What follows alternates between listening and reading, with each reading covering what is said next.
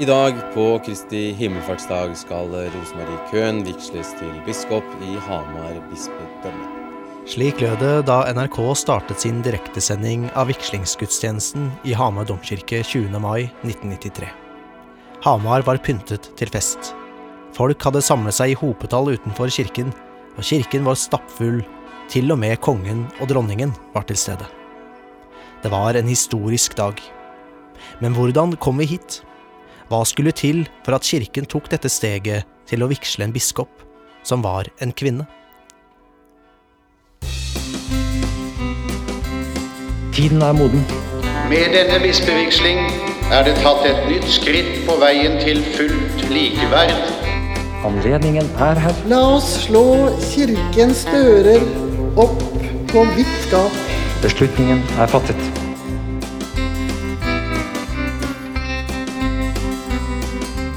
Episode 2 Det historiske øyeblikket.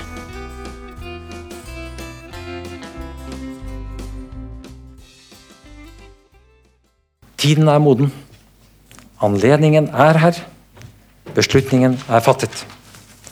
Jeg vil i statsråd i morgen fremme en resolusjon der Rosmarie Køhn foreslås utnevnt til biskop i Hamar bispedømme. Disse ordene gjorde tidligere kirkeminister Gudmund Hernes historisk. Vi tok derfor en telefon til nettopp Hernes, som nå er forsker og professor. Hallo. Hallo, ja. Hei, det er eh, Jon Arne Johansen Harby fra Hamar bispedømme. Hei. God dag, god dag. Da du ble kirkeminister eh, i eh, høsten 1990, hadde du allerede da synspunkter på om kirka holdt tritt med samfunnet for øvrig?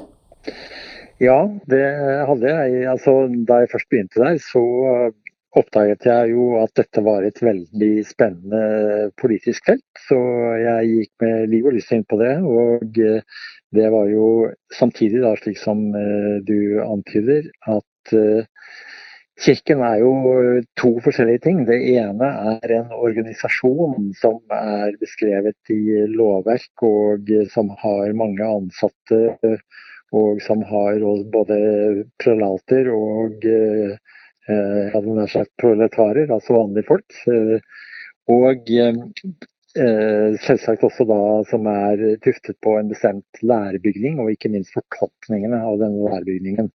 Så det er den ene delen, denne ene kirken.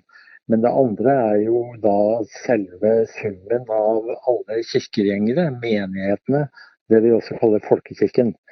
Og de beveger seg ikke alltid i samme takt. Og her var det da strømninger som var underveis, som eh, da eh, Kirken som organisasjon ikke helt hadde fanget opp. Og det er jo fordi i en slik organisasjon så er det jo gjerne slik at de som sitter på toppen passer på hverandre, og de vil gjerne eh, bevare det de allerede har etablert. Så det var jo også slående. Hver organisasjon er konservativ på den måten. Det var altså det kirkelige landskapet sett fra statens side.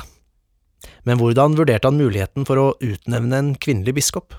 For det første, det som jeg fikk bekreftet i, i blant embetsverket i kirkedelen av departementet, at en biskop er egentlig bare en prest med litt høyere rang. Det er ikke en, noe helt annet enn en prest. Så det er altså et sånn viktig juridisk utgangspunkt.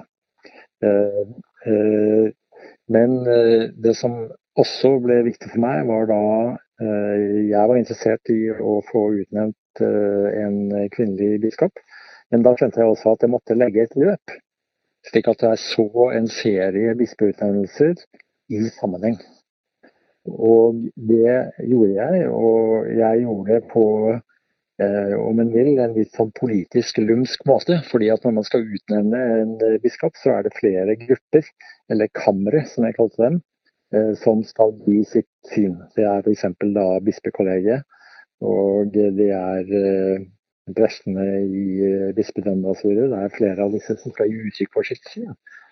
Og det jeg da gjorde, enten man vil kalle det en slik strategi eller et viselig opplegg, det var å sørge for at de som var mest mot en kvinnelig biskop, måtte bruke argumenter for å gå mot en kvinnelig biskop som de hadde brukt for tidligere beslutninger som de hadde truffet. Ja. Så det betød altså at de uttalte seg om hva man skulle legge til grunn osv. ved utnevnelse før køen. Og hvis det da gikk mot køen, så ville de si ja, men dere argumenterte jo på en helt annen måte, og slår dere selv på munnen hvis dere går inn på det nå. Mm. Så det var altså, kan du si, da en sånn eh, om en vil, kirkepolitisk eh, strategi som jeg la. Og så kom vi da frem til, eh, til 92, og da er det jo slik at dette aktualiseres ved at Hamar bispedømme blir ledig, og så er altså da Rosmarie Køhn blir en kandidat der. Og om selve utnevnelsen så var det da slik at da la jeg også et uh, bestemt løp, fordi det var jo en sak som mange knyttet interesse til. Uh, man visste at dette var kontroversielt, man visste at det var stor interesse for saken. Og uh, det som jeg da gjorde, var da den kom opp, og det var jo da departementet og kongen som skulle avgjøre dette spørsmålet. Da var det slik at Eh, beslutningen ville komme opp, trodde mange, på et ordinært statsråd eh, på Slottet i, i, eh, i februar 93. Da. Og statsråd er på en fredag. Men for å holde dette hemmelig, så eh, snakket jeg med Gro Harlem Brundtland, som var statsminister, om hvordan vi skulle gjøre dette, slik at ikke alt lekket ut eh, på forhånd. Og da bestemte vi at i stedet for å orientere kongen på Slottet, og da ville det ligge i sakspapirene og det hele ville lett sive ut, så skulle jeg be om en audiens for kong Harald. Hvor jeg eh, da for det første orienterte om det som var regjeringens innstilling, og for det andre ba om hans tilslutning til den beslutningen, uavhengig av det statsråd som skulle skje dagen etter. Der vil den formelt bli konfirmert, men både for at man skal følge den skikk om at kongen er den første som skal både informeres og som skal approbere en slik beslutning. Så den, eh, den 5. februar, som var en torsdag, da, så øh, dro jeg i en av de sorte limousiner opp til Slottet og ble mottatt i en spesiell audiens hos kongen la denne saken for ham, og han eh, sluttet seg da til dette med et smil. Mm. Og etter det så innkalte jeg til en pressekonferanse. Og det er jo sjelden eh, at statsråder innkaller til brå pressekonferanser, så da var det vel mange av dem som var opptatt av denne saken, været at noe var i gjære. Og eh, det eh, de det det da været, eh, kunne de ikke gå ut med, fordi det var jo ikke noe som var bekreftet. Det var ikke noe offentlig som var sagt. Men så kom, eh, kom da eh, kom da, da leste jeg opp en sånn begrunnelse først.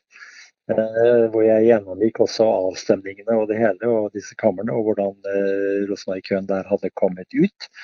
Og så sluttet jeg da med at hun hadde fått solid støtte ved avstemningen i disse kamrene. At hun representerte en stor gruppe teologer. Eh, og med, sluttet altså da med den setningen om at eh, tiden er moden, anledningen er her, beslutningen er fattet.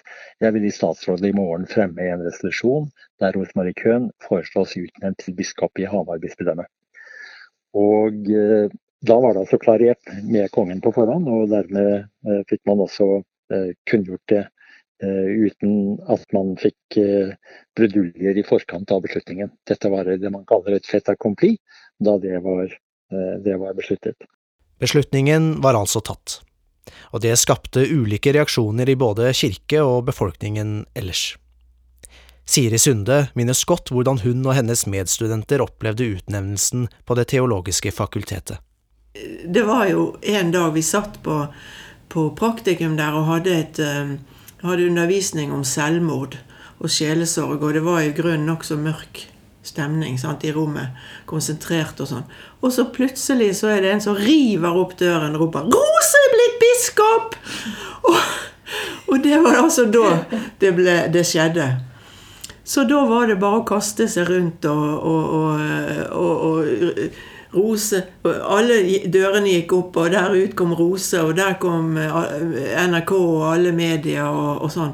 Så, og, Rose sa ja, ja hadde, jeg, hadde, jeg, fått tenkt meg mer om, så, så skulle jeg igjen og i hvert fall gå til frisøren. Kirkerådets leder Kristin Gundleiksrud Råum har også minner om Rose og utnevnelsen. Men, men, jeg husker jo eh, noe av det som skjedde den dagen hun ble utnevnt. Eh, og hadde Berge Furre som påpasser og veskebærer. Og hun surra rundt, og dette ble åpenbart litt mye for henne, for da ber henne kaste seg over henne.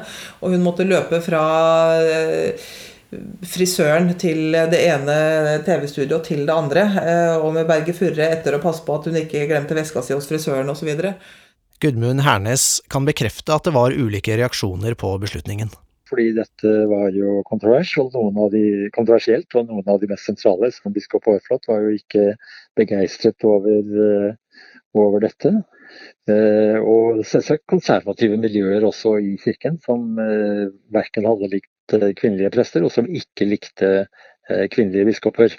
Men ved denne presentasjonen, og ikke minst av den konklusjonen som du refererer til med de ordene som jeg valgte der, så fikk de jo en slags sånn wow-effekt også. Og det betød jo at eh, det både eh, ble en kombinasjon av eh, forskrekkelse i noen miljøer og begeistring i, i de andre. Slik altså at det kom brått på, men for noen var det en sånn rude awakening, og for andre var det altså da noe de gledet seg storligen over. Altså, men I samfunnet ellers så var jo mottakelsen overveldende positiv? Ja, det var den. Men den var ikke bare positiv, men det var overveldende positiv. Og det ble jo også da bekreftet ved selve innsettingsseremonien. Også biskop Solveig Fiske minnes dagen med glede. Og det var slik at den, den dagen så skulle det være et uh, diskusjonstema. Jeg husker ikke hva den debatten het ennå på NRK. Og den ble jo om kvelden. Uh, og jeg var med der sammen med flere andre. Og da var, men da var det jo avgjort sånn at slik ble det. Eh, og jeg satt jo også i bispedømmerådet da i Hamar. Og de følelsene som gikk gjennom meg den dagen, var at Yes! Endelig! Nå skjer det. Men jeg tror at jeg kjente det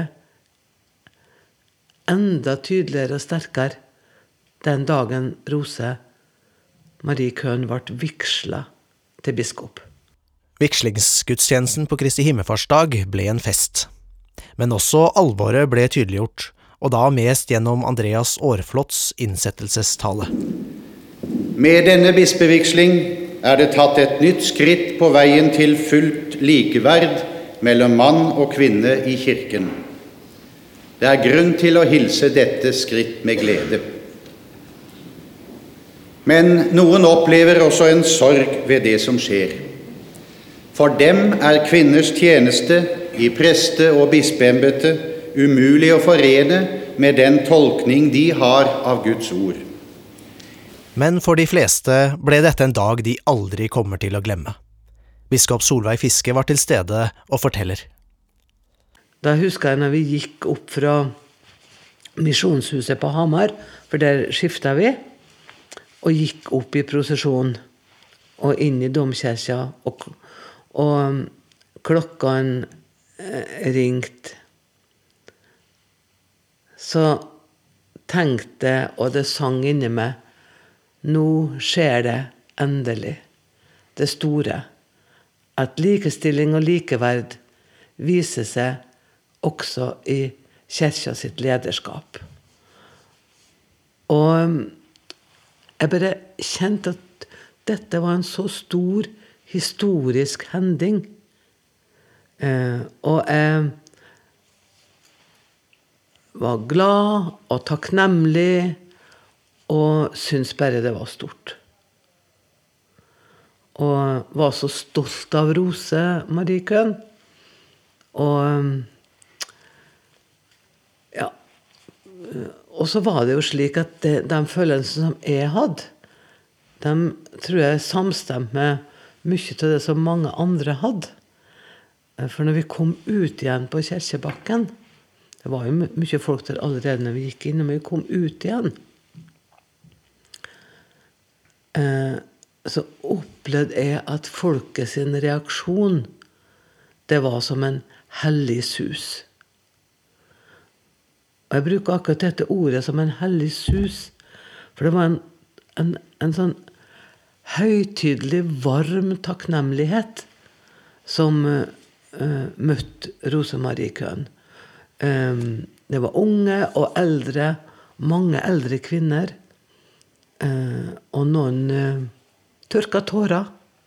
Opplevde nå at likestillinga i kirke og samfunn gikk et steg videre gjennom at hun ble vigsla til biskop. En av de som sto i folkemengden denne dagen, var Berulf Taraldsen. Han forteller om da Rose kom ut av kirken. Ja, jeg, jeg, tenkte at dette er jo en historisk begivenhet eh, i nordisk sammenheng. En nordisk begivenhet som eh, det var interessant å være med på. Det var det som eh, slo meg, og som jeg tenkte da jeg sto der og ventet på at den nye biskopen sammen med kongeparet skulle komme ut. Og det gjorde hun. Husker du noe om hva, Var det noen reaksjon i de som sto der? Det var, det var applaus. Det var applaus, ja. Det var applaus. Mm. Det var det. Den var litt lengre enn vanlig norsk applaus. om ikke entusiastisk, så var den iallfall hjertelig. Biskop Fiske forteller om Rose under gudstjenesten. Rose Marie Køhn hun var så Hele hun var så åpen. Og hun formidla evangeliet, håpet, og, og det at hun eh, det at hun brukte også eh, noe fra sin, e, fra sin, egen bakgrunn, med, med, å komme tilbake til sin barndoms kirke og se at der i den kirkeruinen som hennes barndomskirke var, der var det vokst opp et tre, ei bjørk. Av det som er knust, så kan det springe fram. Noe helt nytt. Så gudstjenesten var veldig prega av håp. Denne dagen ble en merkedag i kirken og for vårt land. Men forstår vi egentlig hvor stort det var? Det kan Aud Tønnesen hjelper oss med å plassere hendelsen inn i et historisk perspektiv. Hvis vi ser da i, i, en litt sånn internasjonal sammenheng, så hadde det jo året før blitt utnevnt den første, eh, den første kvinne til biskop i Luthers kirke. Det var Maria Jepsen i Hamburg. Så det var i 1992. Eh, og så kom Rose i 1993, og så var det vel også en amerikansk kvinne som ble biskop i USA i lutherske kirken også i 1992. Så det skjer jo en endring på det tidspunktet. Eh, det er klart, den, den, det store vannskillet kom jo med Ingrid Bjerkås. Eh, men det var jo en enorm motstand mot å få en kvinnelig biskop. Så det Ehm, selv i en luthersk kirke, som jo ikke har nødvendigvis et veldig høykirkelig embetssyn, og hadde det enda mindre den gangen enn nå, eh, så ble det opplevd som problematisk. Og jeg husker jo selv for den tiden diskusjoner rundt dette med kvinnelige biskoper, og det, det var jo tydelig ut fra avstemningen at Rose faktisk var en reell kandidat. da, ikke sant? Altså Hun lå blant de topp tre. Um, jeg husker selv diskusjoner i sånne sosiale sammenhenger hvor, hvor folk sa ja, er, vi må få en kvinnelig biskop, men jeg tror kanskje ikke det skal bli henne. Uh, vi bør vente. Det er kanskje noen andre vi, som vi heller må få. At den første må ha noen andre kvaliteter. og det har jeg tenkt eh, mange ganger er en sånn typisk sånn argumentasjon mot den første. Sånn var det mot Ingrid Bjerke, og sånn er det enda. At den første er liksom Ja, vi vil gjerne ha, men kanskje ikke akkurat henne. Eh, så det var jo én ting. Kom det fram hva det var ved henne som man da ikke syns passa, eller var det bare at det var den første, og det var litt skummelt? Nei, vet du hva, det er veldig interessant, for det syns jeg også går igjen da noen ganger. Det er sånn ja, Hvor god administrator er hun? og det visste vi jo alle, at hun var kanskje ikke så veldig god administrator. men eh, Og det har jo dukket opp en del andre ganger òg. Liksom, kan vi ha henne? Fordi hun er jo ikke så god administrator. Men jeg tenker bispe en biskop velges jo ikke som administrator, man har jo en hel administrasjon som skal ivareta det. Eh, men en biskop eh, skal jo faktisk lede prestene, ha læreansvar. Mm. Og der kom jo Rose med all sin kompetanse. Eh, så det er jo egentlig helt, helt snurrig. Men så hadde du jo de som var motstandere. Eh, både av kvinnelige prester, og derfor så var de jo også motstandere av henne, eller av kvinnelig biskop. Men også kanskje ikke så mye motstandere av kvinnelige prester, men man ville ikke ha de som biskoper. Og vi vet jo det at det var, gikk tøft for seg. altså Det ble kjørt kampanjer mot henne i vårt land, på lederplass. altså Hun ble jo diskreditert. Eh, på en måte som vi har glemt i dag. Altså Jeg tror vi glemmer fort, og det er på en måte godt, da. Eh, men at hun ble faktisk eh, snakket ned, som vi jo sier nå i dag. Altså, hun, hun, ble på en måte sånn diskreditert i, i den kristelige allmennhet som uegnet. Eh, og at det var andre som heller burde bli biskop av de som var aktuelle. Og, og i bispekollegiet så var det jo folk som, det er biskoper som sa at vi ikke vil ønske henne velkommen engang. Det er jo ganske brutalt å bli møtt med det. Så i, om det nasjonalt eh, eh, var på en måte noen sprang som allerede var tatt, så i kirken så var dette en helt sånn endrende eh, hendelse. Og det gjorde jo også noe med hele kvinnepressspørsmålet. Når du har fått en kvinnelig biskop, så blir det veldig vanskelig å drive det veldig tungt videre, en kvinnepressmotstand. Sånn at det, det, påvirket på en måte hele klimaet rundt det. fordi at det, selv om mye hadde skjedd innen, og, og i kvinneprest og etter at menighetsfakultetet også hadde åpnet for at kvinner kunne ta praktikum der, um, i 1976, så, så, var det jo fortsatt betraktelig motstand i kirken mot kvinnelige prester. Det var jo biskoper som var imot kvinnelige prester. Men når du får en biskop, så gjør det noe. Altså, jeg tror Det var en enorm sånn oppreisning for eh, veldig mange kvinner. Og man opplevde plutselig at her var mulighetene åpne. Mm. Fram til da så hadde man ikke hatt de samme mulighetene. Det var jo heller ikke veldig mange proster altså kvinner som var kvinner den gangen. Eh, det var vel så vidt én eller to. Altså det var, så, så taket, glasstaket som vi av og til snakker om, det var merkbart, og hun brøt igjennom. Og det, mm. eh, det, det var ikke Altså, det krever på en måte en, en, en ryggrad og en stedfasthet og en vilje og et mot altså, som hun hadde. Og kanskje også en frihet. Eh, at hun Jeg har i hvert fall tenkt av og til altså dette at hun hadde den teologiske grunnmuren eh, som gjorde at hun faktisk var en veldig dyktig teolog, langt bedre enn veldig mange av de bispekollegaene hun fikk også, som ga henne også et mot til å gå inn i det og vite at eh, hun kunne på en måte stole på at dette var rett, også teologisk. Eh, og hun var ikke så avhengig av nødvendigvis kanskje den anerkjennelsen. Hun var jo ikke så sosialt assimilert med eh, de andre i bispekollegiet, som også sikkert ga henne en frihet. altså. Men det var, var, har vært helt vesentlig, altså.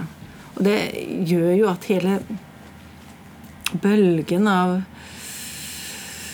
ja, bølgen er kanskje feil ord, men altså veksten også i, i kvinnelige prester, eh, selv om det går litt langsomt enda, gjør jo at man har en helt annen frimodighet. For man vet at alle, alle muligheter er åpne. En enorm hendelse i kirken. En oppreisning for mange. Vi har en tendens til å glemme fort, men da biskop Aarflot erklærte Rose som rett kalt biskop, er det et endrende øyeblikk for kirken vår. En ny tid, En tid der mange fikk ny tro på kirken. Den norske kirke hadde nå fått sin rose. Så erklærer jeg at du er rett kalt biskop i vår kirke, med den myndighet og det ansvar som hører ditt hellige kall til, etter Guds ord og vår kirkes ordninger. I neste episode ser vi nærmere på Roses tid som biskop, og hva som preget hennes tjeneste.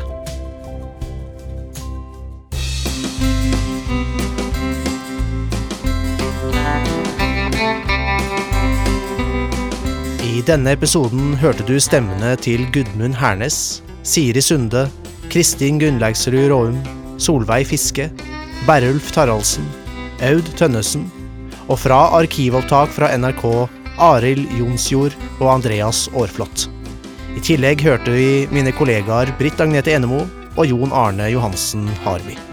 Alt det tekniske er det Halvard Bjørkås som står for, og mitt navn er Kenneth Hansen.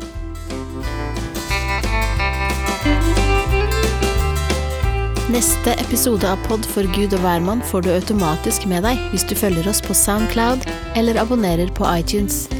Følg også Pod for Gud og hvermann på Facebook. Har du lyst til å jobbe som prest i Hamar bispedømme? Ledige stillinger finner du på kirken.no hamar.